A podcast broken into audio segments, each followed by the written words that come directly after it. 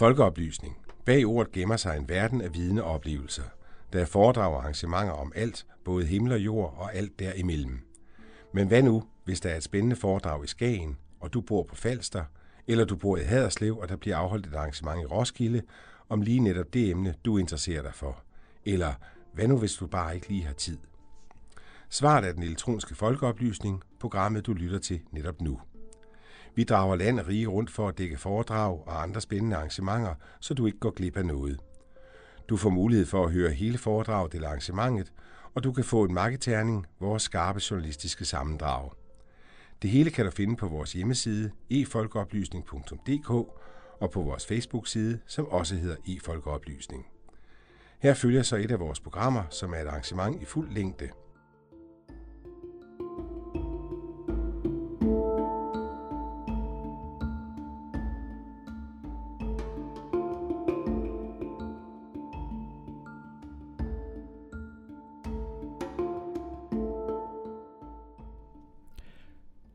magt og minoritet.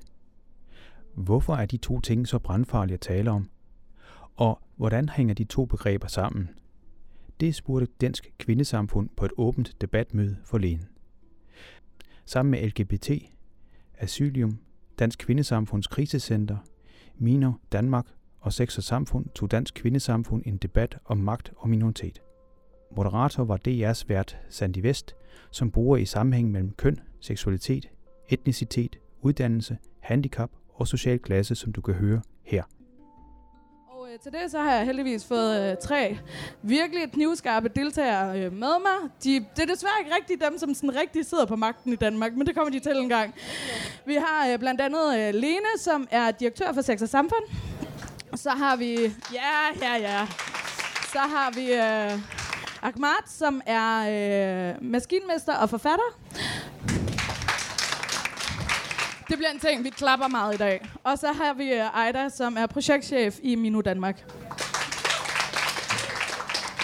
Og jeg kunne egentlig godt tænke mig at spørge jer hver især. Jeg starter med dig, Ejda. Hvad er magt?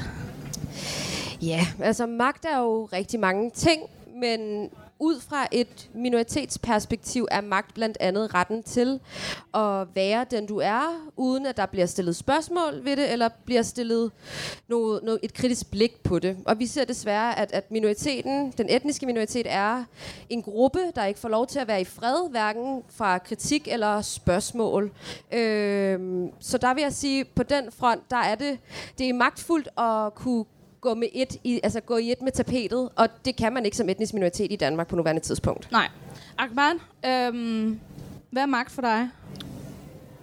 Jamen, det læner sig jo også lidt op af det, Ejder siger, men, men, men jeg kommer også med en, med en baggrund, øh, der gør, at bare det, at jeg er mand, har været en magt for mig øh, i forhold til, til min søstre, i forhold til andre kvinder fra, fra, fra den baggrund, jeg kommer fra. Øh, det har gjort, at jeg står her. Øh, men, men helt klart, men det er jo også et privilegie. Øh, og i forhold til, at der er den her forskel. Øh, og, og, og uddannelse, job, arbejde, viden, det er magt. Øhm, og, og hvis du mangler det, eller hvis der er nogen, der har mere af det, end du har, så er I ikke ligeværdige. Øhm, og, og så kommer der en, en skævvridning i magtbalancen. Øhm, og det er jo også en af, grund, en af udfordringerne i forhold til minoriteten og majoriteten, at der, vi er på vej. Altså, det, der er langt endnu, og det er en kamp, men, men, men, men, men, men der er ikke en ligeværdig magtbalance. Mm. Øhm, så må, men så må vi se, hvor, hvor det fører hen. Altså Ejder, projektchef og maskinmester og forfatter. Ja. Vi er på vej. Det er godt. Og Lene, hvis vi også øh, lige tager dig. Ja, hvad er magt? Jeg bliver lige nødt til at lave en lille rettelse, fordi jeg er jo ikke direktør for Sex og Samfund. Øh, jeg er forperson for Sex og Samfund. Det er, fordi jeg er direktør for KBH plus Askovfonden, så det er mit betalte arbejde, hvor jeg så arbejder med unge på kanten, men i Sex og Samfund er jeg øh, forperson. Ja, så øh, magt for mig, øh, tænker jeg, kan, det, det er jo en ret bred ting, fordi det kan jo være øh, beslutnings... Øh, altså øh, ret... Øh, det kan være fordeling af ressourcer. Det kan være kan beslutte, hvem der har adgang til hvor. Og det kan også være øh, definitionsret. Og nu, I, I andre to er jo kommet lidt ind på nogle af de andre ting, så jeg tænker også uh, lige at bringe det der op med at, at være uh, dem, der definerer, hvad der er det rigtige, det gode, det normale, uh, dem, der er flest af. Og det er jo blandt andet noget af det, vi arbejder med i Sex og Samfund, det er jo normkritik. Og uh, normkritik handler jo om, at i stedet for, at man som minoritet, uanset om det er uh, etnisk minoriteter, eller uh, minoriteter inden for seksualitet, eller uanset hvad det er, så er det jo tit det der med at være en minoritet, så står man ofte med forklaringsproblemet. Mm. Man skal altid øh, forsvare sig selv, øh, fortælle om, hvorfor man er anderledes, fortælle om, det kunne også være et handicap, man har, hvor at, at man altid er den, der skal forsvare det mens at majoriteten har lov til at være dem, der, der stiller spørgsmålene. Hvorfor gør du sådan? Hvorfor ser du sådan ud? Hvorfor har du det tøj på? Hvorfor gør de andre, der er ligesom dig sådan? Og, og det vil sige, det er faktisk en ret stor magt, som mange af de, der sidder på den definitionsret, øh, glemmer at se. Så normkritik er jo det omvendte, hvor at man i stedet for at pege på øh, minoriteterne, så peger vi omvendt og siger, hvorfor du egentlig ligesom alle de andre, og er, er den her måde, er det egentlig det rigtige at gøre på? Hvorfor tror du, øh, at magt er blevet et skældsord? Jamen, jeg tror, magt er et skældsord, fordi at øh, dem, der har magten, ser utrolig ens ud, og så bliver det jo et problem, fordi så kan man bruge magt til at undertrykke andre. Det er jo ikke i sig selv en dårlig ting at have magt. Altså som sagt, mit betalte arbejde er jo, at jeg er direktør, så jeg sidder på en magt. Det er mig, der bestemmer, hvem der skal ansættes. Øh, det er mig, der bestemmer, hvordan min øh, business skal køres. Men det betyder jo også, at jeg også sidder med et stort ansvar, og jeg tror, at det er det ansvar, som man kan blive lidt i tvivl om, hvordan bliver varetaget, når dem, der har ansvaret, ser meget ens ud. Hvordan synes du selv, for eksempel, at du, øh, at du varetager din egen magt?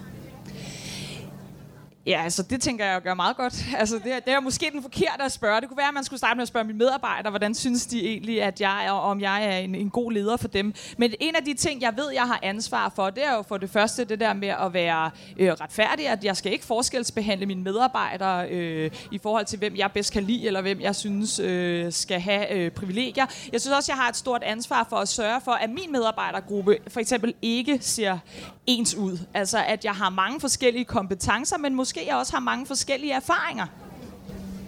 Ejda, øhm, har du magt? Mm, ja, det har jeg. Altså, jeg står her. Det er en magtfuld position. Jeg får lov til at dele ud af mine tanker for jer. Øh, og så sidder jeg også i en position på mit arbejde, hvor jeg får lov til at repræsentere etniske minoriteter. Og det er sådan en ting, der bliver meget sådan fejlfortolket, i, øh, især i medierne i Danmark, at det kan godt være, at minoriteten ikke bliver spurgt særlig ofte, og de ting, vi bliver spurgt om, det har kun noget med en selv at gøre som minoritet. Men omvendt, så bliver vi også brugt til som talspersoner for hele gruppen. Mm. Så kan jeg stå her og tale om alle dem, der er brunere end en kaffe latte, og ligesom være repræsentant, fordi jeg kender miljøet, og miljøet er homogent. Og det er jo en fejlfortolkning af, af, af den magt at have. Og det ser vi jo især ved mange af de her debattører, der også kommer frem, som gør et skide godt stykke arbejde. Men de bliver også bare nogle gange sat i en position, som de ikke selv har lyst til at være i, fordi de kan ikke tale på vegne af en hel gruppe. Og det er der ikke nogen majoriteter, der bliver bedt om heller. Så hvorfor skulle vi? Ser du, at medierne har en ret stor rolle i forhold til at definere magten i Danmark? Nu siger du selv det der med, at så bliver man spurgt på vegne af en, af en minoritet, og så skal man ligesom repræsentere dem. Ser du, at der er sådan et ens billede, der er sådan en, en, en tilgang, som i virkeligheden er meget ens i det danske mediebillede? Ja, det synes jeg. Jeg synes også, vi er for bange for, hvad en, en vis klasse i vores samfund vil sige, hvis nu en brun person gik ud og kommenterede klima.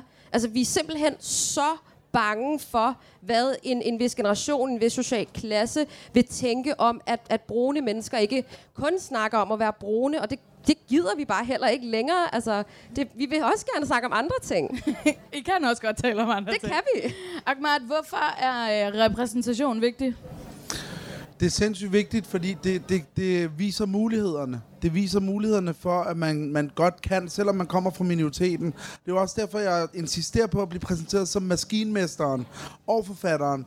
Det vigtigste i de, ved de to titler er i virkeligheden maskinmesteren. For det er uddannelsen, det er arbejdet, det er magten til at være en del af samfundet. Øh, og jeg arbejder hos Novo, og det kommer også ligesom på banen, hver gang jeg så, man, man taler om, om det, at jeg er maskinmester. Og det er jo det er en af de største virksomheder, vi har i Danmark. Mm. Og det, er jo, det, er jo, det, det, giver noget, det giver noget magt i forhold til, at man har en uddannelse og er i arbejde. Men, men ja, det er også vigtigt at vide, hvordan man skal bruge den.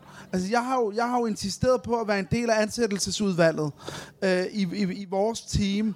Fordi jeg nogle gange... Altså, jeg er den eneste anden etniske i hele afdelingen. Hvad står afdelingen?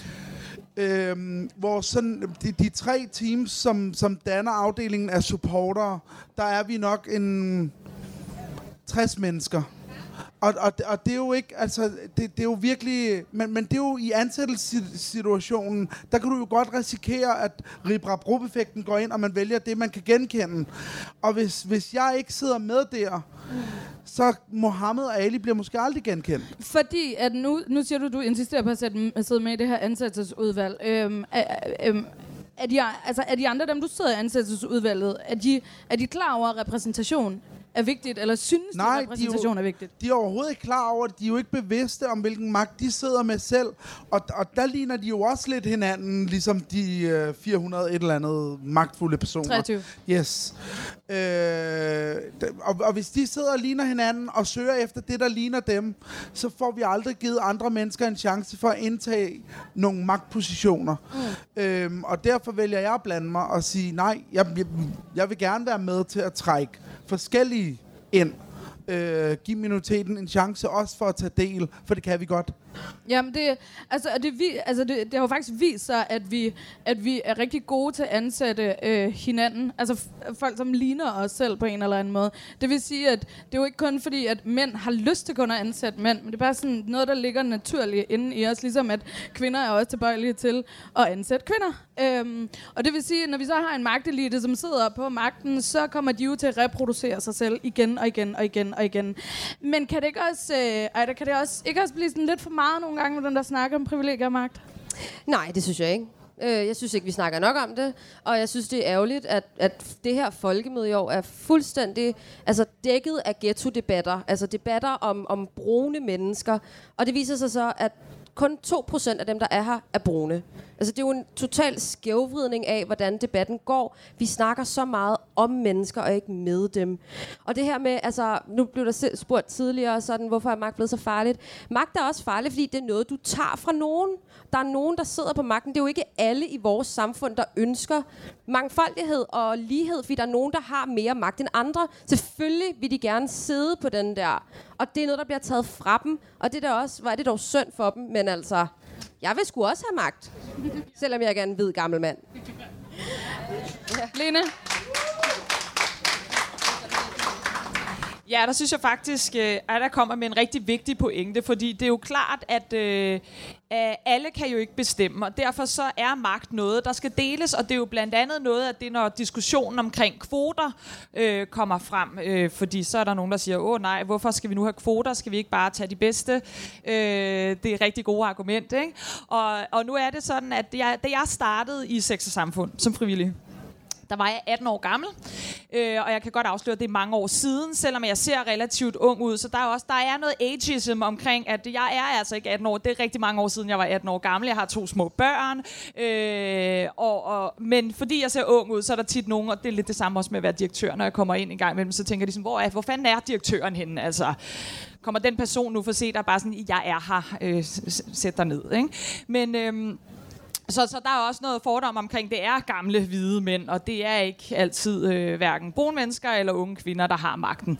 Nå, men min pointe var, da jeg startede i Sex og Samfund 18 år gammel, så blev jeg rekrutteret ind, fordi at Sex og Samfund på det tidspunkt rigtig gerne ville have meget mere ungdomsdeltagelse. Øh, over øh, 90 procent af alle øh, dem, der er vor- brugere af vores produkter, både sådan set øh, nationalt, men også internationalt i kampen for seksuelle og reproduktive rettigheder, det er altså unge mennesker. Derfor skulle der være nogle unge mennesker med. Så der startede min rejse for kampen for unge men- menneskers ret til at være med til at bestemme i seksualpolitik.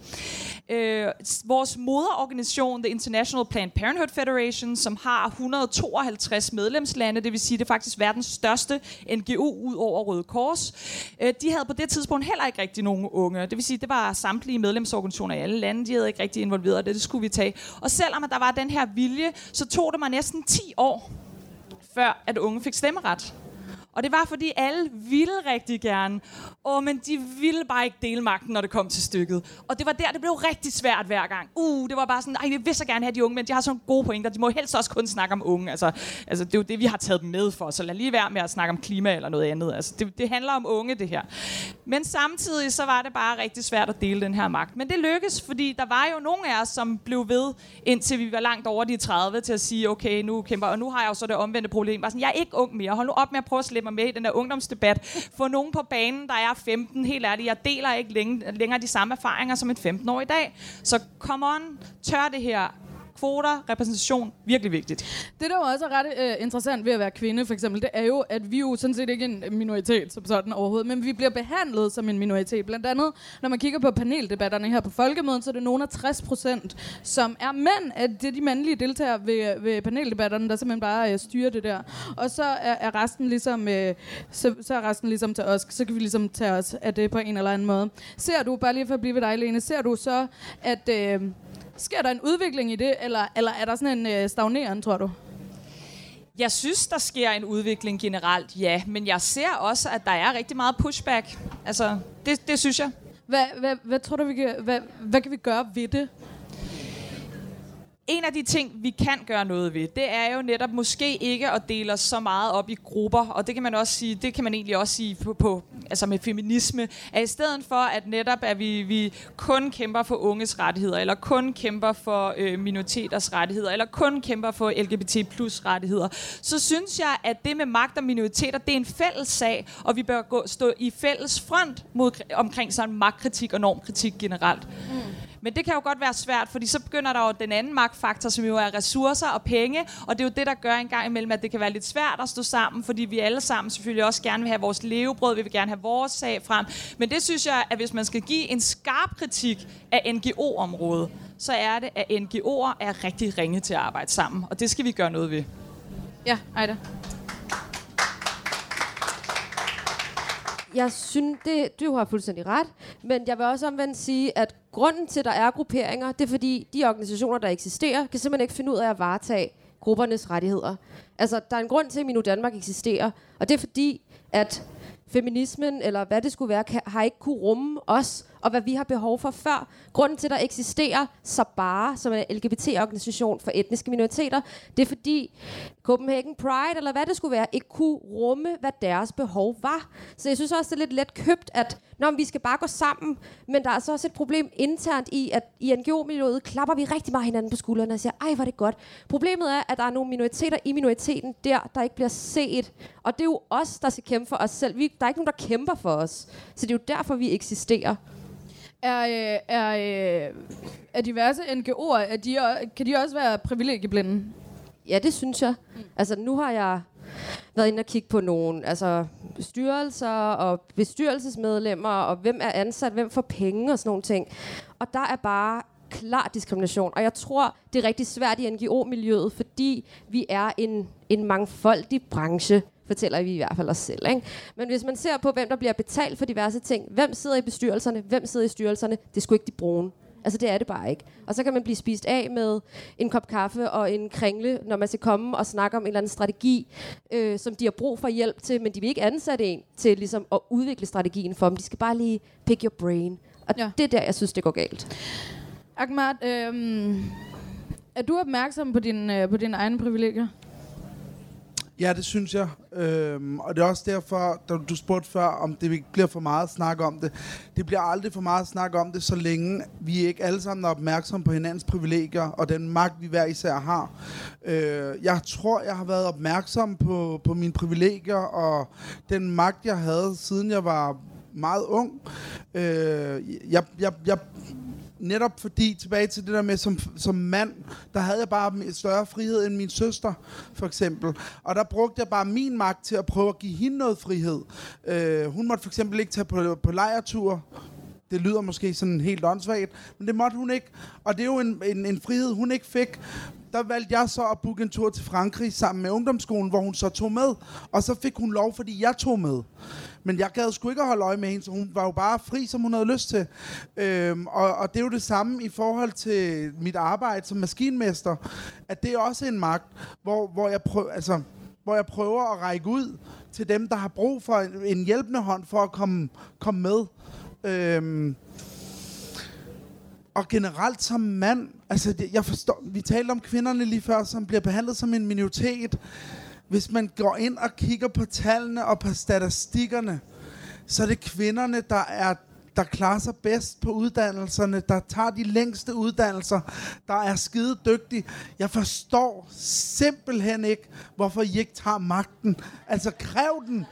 Gå, det kommer. marchere, altså det, lav en demonstration for pokker. Ja. Altså virkelig. Øhm, og det gælder i, i majoriteten og i minoriteten, der er kvinderne bare super seje. Det er, I skal ikke finde jer i det. Hvis vi, Lene, hvis vi lige bliver med det, øh, det med, med kvinder, er, øh, nu kan vi se, at udviklingen går ikke vildt stærkt i forhold til, øh, i forhold til, til ligestilling. Øh, er kvoter vejen frem? Jeg må indrømme, at jeg går ind for kvoter, ja. Fordi jeg synes, at kvoter en gang imellem kan gøre det, at så er der lige pludselig nogen, der virkelig bliver nødt til at dele med problemet. Mm. Jeg kan kun igen bruge sex og samfund som eksempel. Nu øh, begik de jo den kæmpe fejl så at sende mig i det internationale arbejde. Så lige pludselig så sad jeg jo i øh, medlemsorganisationsbestyrelsen, som bestemte over alle medlemmerne. Det vil sige, lige pludselig så bestemte jeg jo faktisk, så var jeg ikke længere kun repræsentant fra Sex og Samfund. Jeg bestemte også over, hvad Sex og Samfund skulle, for ligesom at være, sørge for at være medlem af IPPF. Og deroppe fra, udover at jeg sørgede for, at unge fik stemmeret, så sørgede jeg også for, at vi havde sådan en meget øh, fin kvalitetssikring, akkreditering af alle organisationer, så man, når man ved, man går ind i en øh, Irish Family Planning Association, American Planned Parenthood, eller hvor du er henne, så har de de samme standarder, de samme værdier og de samme krav til at være medlem af International Planned Parenthood Federation.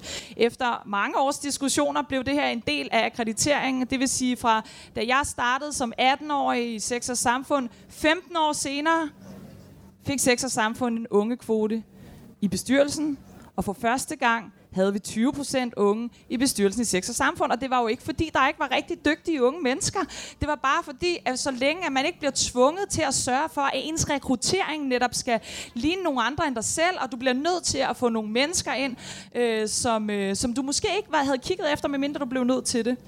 Det tænker jeg er vigtigt. Mm. Og derfor så kan jeg, jeg, jeg, er, jeg er lidt kvotekonge. Altså, jeg har ikke særlig meget fiskeri, men på den måde, der bliver jeg altså kvotekonge. Fordi jeg kan se, at der sker nogle andre ting. Og jeg synes, det er et dårligt argument, hver gang der er nogen, der siger netop det der med, skal vi, vi skal ikke have kvoter for kvinder i bestyrelser, fordi så tager vi ikke de bedste. Altså, helt ærligt. Ja. Hvad er det for noget? Og jeg er en kvinde, der har taget magten. Og jeg er en kvinde, der er kommet rigtig langt. Men jeg har også fejlet mange gange undervejs, hvor jeg virkelig har tænkt, hvis jeg havde haft en penis, så var det her gået en lille smule lettere. Ja, altså jeg var faktisk nede i går og høre uh, Helle Thorning, der talte nede på politikken scenen. Øhm, og hun fortalte faktisk om, at der, at der var blevet lavet nogle undersøgelser, og at kvinder i højere grad blev fyret fra jobs, hvis de fejlede, end mænd blev. Altså man er hurtigere til at sige, så er det ud. Ej, der, jeg kunne godt tænke øh, mig at spørge dig øh, om nærmest det samme, jeg spurgte, som jeg spurgte Lena om lige før. Er, er kvoter vejen frem, både i forhold til uh, kvinder, men også i forhold til etniske minoriteter, som jo er underrepræsenteret? Det synes jeg, og jeg er også fuldstændig enig, at det er vejen frem at gå. Dejligt med det så enigt panel. Ja, øh, men jeg tror også, at grunden til, at der er mange, der ligesom hopper af, når det handler om kvoter, det er fordi, det er kvotering for at få dem, der er underrepræsenteret ind. Altså, du tager magten for dem, der er overrepræsenteret, altså majoritetsmænd.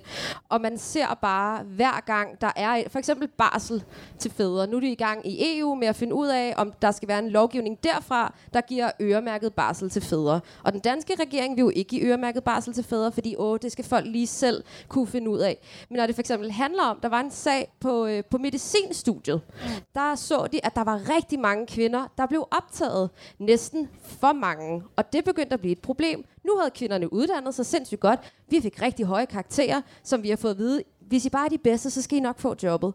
Det, der skete, det var, at så gik øh, Københavns Universitet ind og kiggede på den her sag og tænkte, hmm, det er ikke så godt, at vi har så mange kvindelige læger. Vi bliver også nødt til at have nogle mandlige læger. Så de lavede øh, kvote 2 øh, sådan området om, for at få et større optag af mænd, af mænd. Og det, der skete, det var, at lige pludselig på magisk vis året efter, var der 50% flere mænd, der blev optaget på medicinstudiet. Fordi, åh nej, vi er et sted, hvor majoritetsmænd ikke er repræsenteret ministeriet, hvad skal vi gøre? Altså når det er den vej, så tøver vi overhovedet ikke med at lovgive. Og det samme skete på dyrlægestudiet. Vi havde så mange kvinder, kvinder var skide dygtige til matematik, og hvad ved jeg? Det er bare ikke godt nok, fordi vi skal, det er et, det er et usikkert rum at være, hvis man er i en bestyrelse, der kun består af kvinder, en bestyrelse, der kun består af etniske minoriteter. Det, det er der noget galt med. Men hvordan, hvordan altså, du, hvorfor tror du, det fortsat altså, bliver ved med at være på den måde? Tror du, det er frygt? Tror du, det er usikkerhed? Tror du, det er den gamle, øh, vi ved, hvad vi har, vi ved ikke, hvad vi får om de der kvinder? Øh, hvad tror du, hvad tror, hvor tror du, det stammer fra? Jeg tror, det stammer fra altså normer, de normer, vi har i samfundet om, om bestemte roller, bestemte stereotyper. Folk, der er øh, LGBT plus personer, de er sådan nogle, der er femsede, og de kan kun øh, være frisører og det ene og det andet. Og folk, der er brune, de kan være socialarbejdere eller et eller andet. Jeg tror, vi bliver nødt til at komme over det der. Og det er der, man har brug for rollemodeller, der netop kan sidde i bestyrelserne og vise, at vi, kan, vi behøver ikke kun at snakke om at være brune. Vi kan også sidde på magten. Altså, der blev lavet sådan en opgørelse over, hvor mange sorte kvinder, der sidder på toppen af organisationerne i USA. Det er altså 4.000 af de største organisationer eller virksomheder. Der var to. To sorte kvinder. Ja. Det er jo for sindssygt. Mm. Tak, man.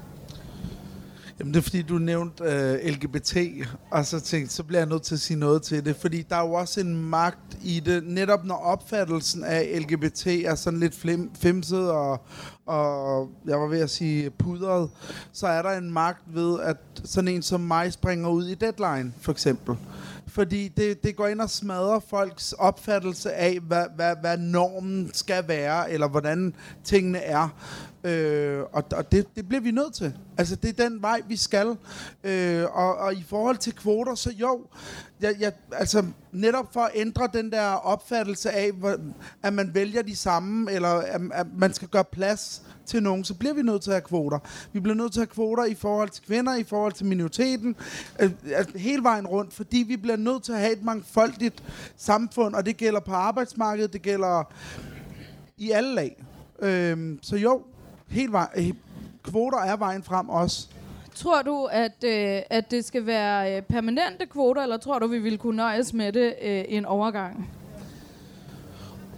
det er sådan lidt ligesom spørgsmålet med, hvorfor man skal gå Pride hvert år, ikke? Altså, man, man, tingene ruller jo tilbage aner, jeg kan ikke forklare, hvorfor, men, øh, men, men altså, det, jeg mener, der var en undersøgelse, der sagde, at hvis man ikke holder Pride en gang om året, så vil hate crime stige sindssygt.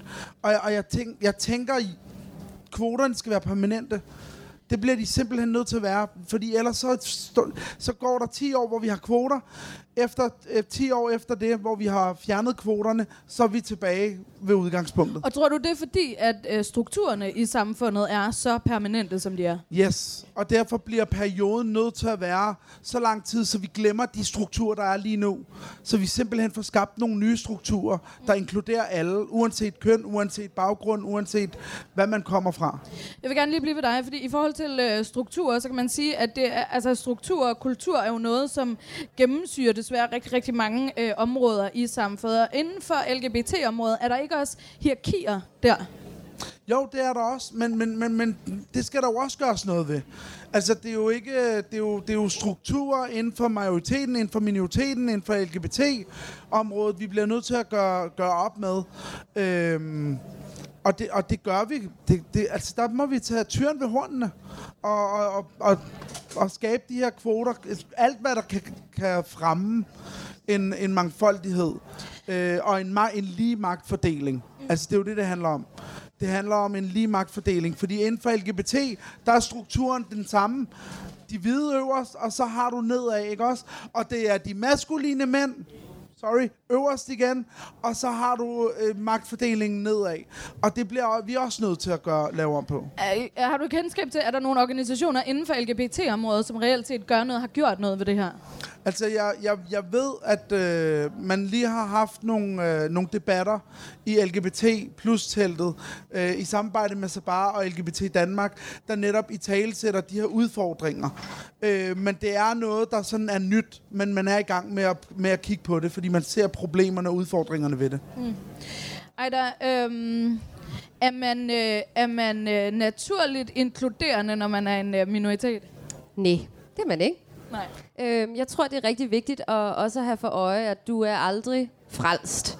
Uanset om du er en transkønnet muslimsk kvinde, så er du ikke fransk. Altså, det handler også om at, at, ligesom at åbne blikket og, og være opmærksom på ens egne privilegier. Være opmærksom på, jeg går ud og, og prædiker øh, mangfoldighed og diversitet, men hvem er det egentlig, der er mine venner? Hvem er det, jeg inviterer på middag? Er det folk, der ligner mig? Eller har jeg faktisk en divers gruppe? Hvem er det, jeg inviterer på scenen? Hvem er det, jeg har kontakt med? Jeg tror, der er rigtig mange inklusiv mig selv, der simpelthen ikke er gode nok til at, at sådan arbejde sådan aktivt, personligt med det. Vi er rigtig gode til i organisationer og til demonstrationer og sådan nogle ting, men hvis vi ikke gør det i vores vennegruppe, i de mennesker, vi hænger ud med, hvem inviterer du indenfor i dit hjem, så kommer der heller ikke til at ske noget. Mm. Men hvorfor tror du egentlig, at det er øh, så øh, på en eller anden måde så, så farligt at tale om folks privilegier? Fordi man oplever jo gang på gang, når man forsøger ligesom at, at pointere, at, at, at der er måske nogle mennesker, som li- tager deres privilegier, privilegier lidt for seriøst. Øhm, hvorfor tror du så, at... Øh, oh, men altså, hvorfor tror, du, øh, hvorfor tror du, at det er så farligt at tale om folks privilegier? Jeg tror, vi generelt er skide bange for at blive konfronteret med ikke at være gode nok. Gode nok til at være inkluderende og mangfoldige og sådan nogle ting. Mange ting baserer sig også på viden. Man bliver klogere. Jeg havde for eksempel en episode for nogle år tilbage, hvor øh, jeg mødte en, en lesbisk kvinde, og vi var til fest sammen, og det var rigtig hyggeligt. Øh, og så skrev hun til mig dagen efter og spurgte, om jeg ikke havde lyst til at gå ud og tage en øl sammen med hende. Og jeg havde en kæreste, og jeg var jeg er ikke LGBT, så med det samme gik min hjerne på, gud nej, hun prøver at score mig. Så jeg skrev til hende, det kan vi godt, men jeg er ikke til kvinder. Hvilket er sindssygt diskriminerende at sige til et andet menneske, som hun også sagde. Hun, hvor, hun spurgte mig sådan, hvorfor går du ud fra, at jeg vil score dig? Bare fordi jeg er lesbisk. Jeg vil bare gerne have en øl med dig. Og der blev jeg pludselig konfronteret med, ups, jeg havde en fordom om nogen. Og det er noget, jeg tager med mig hele tiden, og vi bliver jo alle sammen klogere hele tiden. Men der tror jeg, det er vigtigt, at vi ligesom er opmærksom på de der små ting. Men tror du også nogle gange, at når man kommer til, når man, vi har alle sammen fordomme, dem går vi alle sammen rundt og, og bærer på. Og, og, og jeg oplever også nogle gange inden for feministmiljøet, at hvis man har en fordom, der ligger i en, når man så øh, kommer til at udstille den på en eller anden måde, så bliver man angrebet her, ret hårdt. Jeg sad også, øh, det var bare noget, der lå i mig. Jeg sad her forleden dag i radioen, og så har det været sommer, og så skulle man have sine ben frem. Og så tænkte man, de er meget hvide. Øhm, og så sagde jeg øh, noget med, at danskere, vi har jo alle sammen hvide ben. Det lå jo bare i mig. ikke? Ja. Jeg vil ikke mene, at jeg er sådan en, der, fors- der sådan går rundt og virkelig tager mine privilegier seriøst. Jeg forsøger faktisk aktivt at, at tænke over det. Jeg fik så mange sms'er på det. Øh, altså med folk, der decideret var rasende på mig. Hvilket er skønt, fordi det betyder, at der er en masse, der er woke derude. Men hvorfor tror du, at, at altså, Tror du, kan du, tror du, det kan have noget at gøre med, at når man så ligesom kommer til at udstille sine fordomme, eller de strukturer, der ligger i en, så, så, bliver, man, altså, så bliver man slammet ret hårdt? Ja, altså det tror jeg ikke, man kan komme udenom. Der er jo en, der er jo en konsekvens af, at, at, at du fik det, og, og jeg ligesom blev, blev sådan woke af det. Øhm, men jeg tror også, altså jeg, jeg, jeg synes, det er vigtigt, at vi gør det. Og vi har alle sammen fordomme. Folk, der går ud og siger, at Nå, men jeg har ikke fordomme, og jeg er bare farveblind, og alle er bare sindssygt dejlige. Det, det passer simpelthen ikke. Altså, jeg tænker også, hvis jeg går ned ad en, en gade, og der kommer tre mørke mænd imod mig i hættetrøjer, så, altså, så er min reaktion jo også med det samme. Jeg er kvinde, jeg er meget mindre end de andre.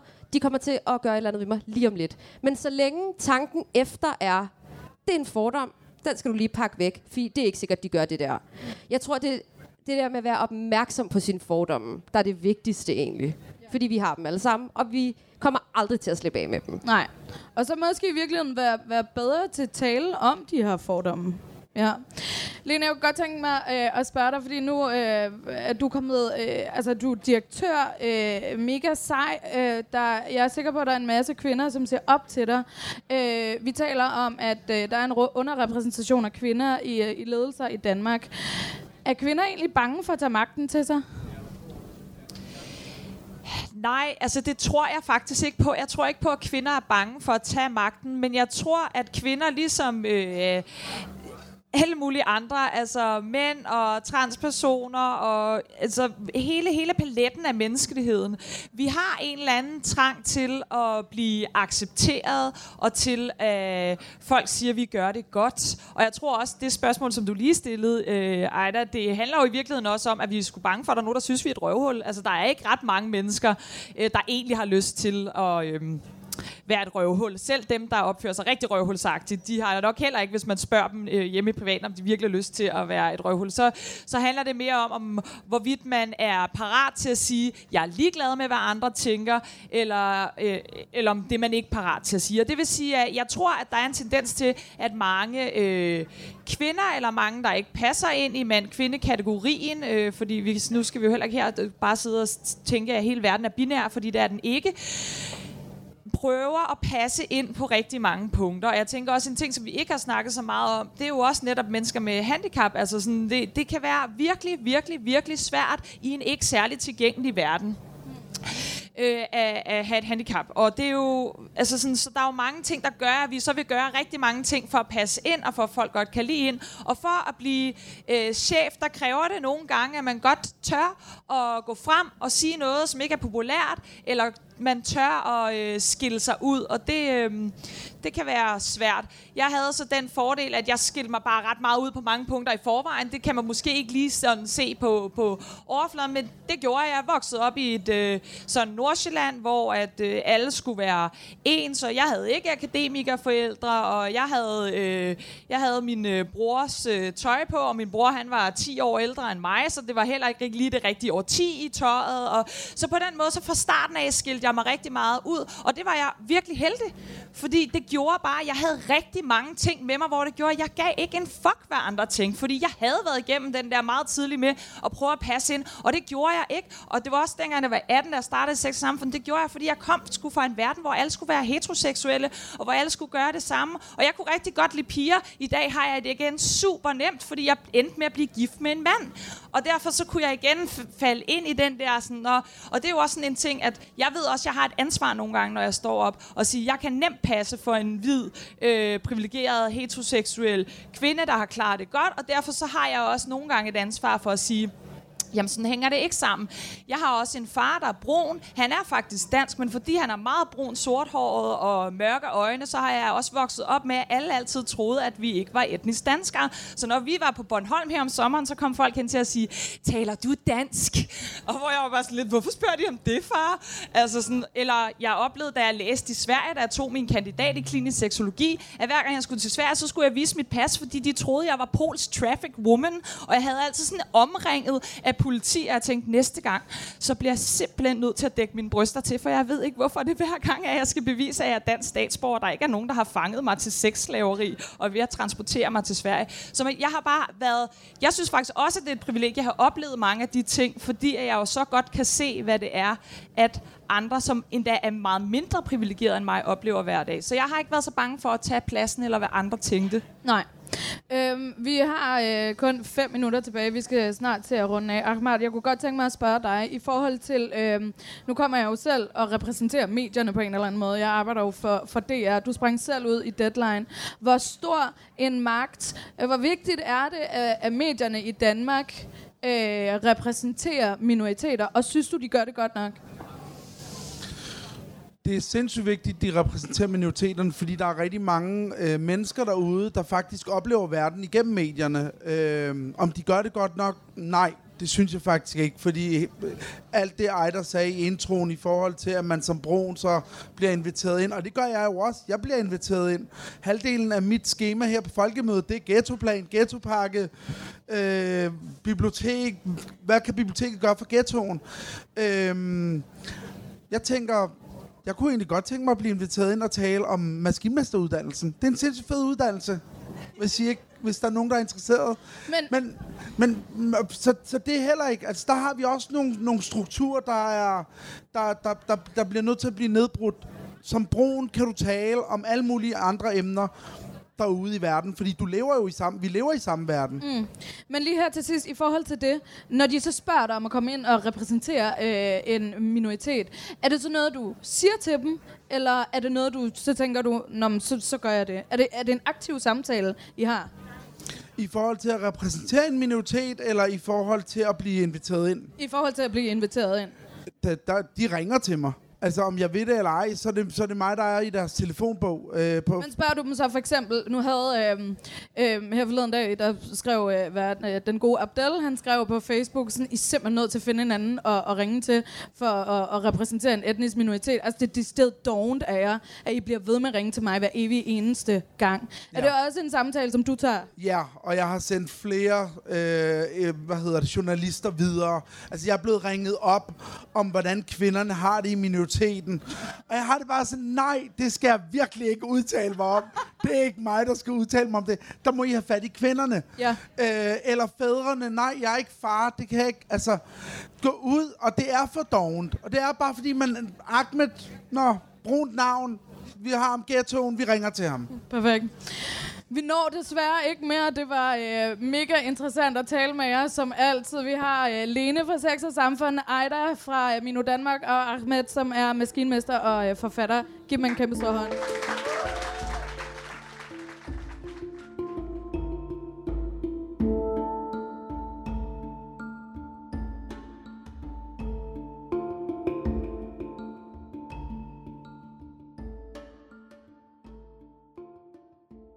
Du har netop hørt debatten Magt og minoritet. Hvorfor er disse to begreber så sprængfarlige?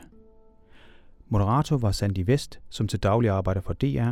I panelet sad Lene Stavnsgaard, som blandt andet er direktør for Askofonden KBH+. Og så var der Ahmad Mahmoud, der er maskinmester og kendt forfatter.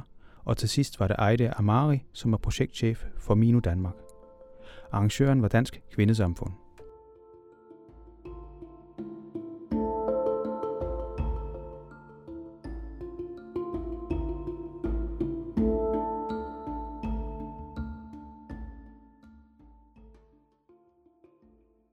Du har netop hørt den elektroniske folkeoplysning. Du finder os på efolkeoplysning.dk og på Facebook under samme navn. Her kan du både finde hele foredrag og journalistisk bearbejdede magasinprogrammer. Det er podcast for arrangementer over hele landet om alt mellem himmel og jord. Det du kan være sikker på er, at det er skarpt, det er relevant, og det kan være ny og overraskende viden. Journalist Jan Simmen har stået for redigering og tilrettelæggelse, og det er Radio Mælkebøtten, der har produceret lyden. Tovholder på projektet er SLR TV, mens det er Dansk Folkeoplysnings Samråd, der støtter projektet finansielt.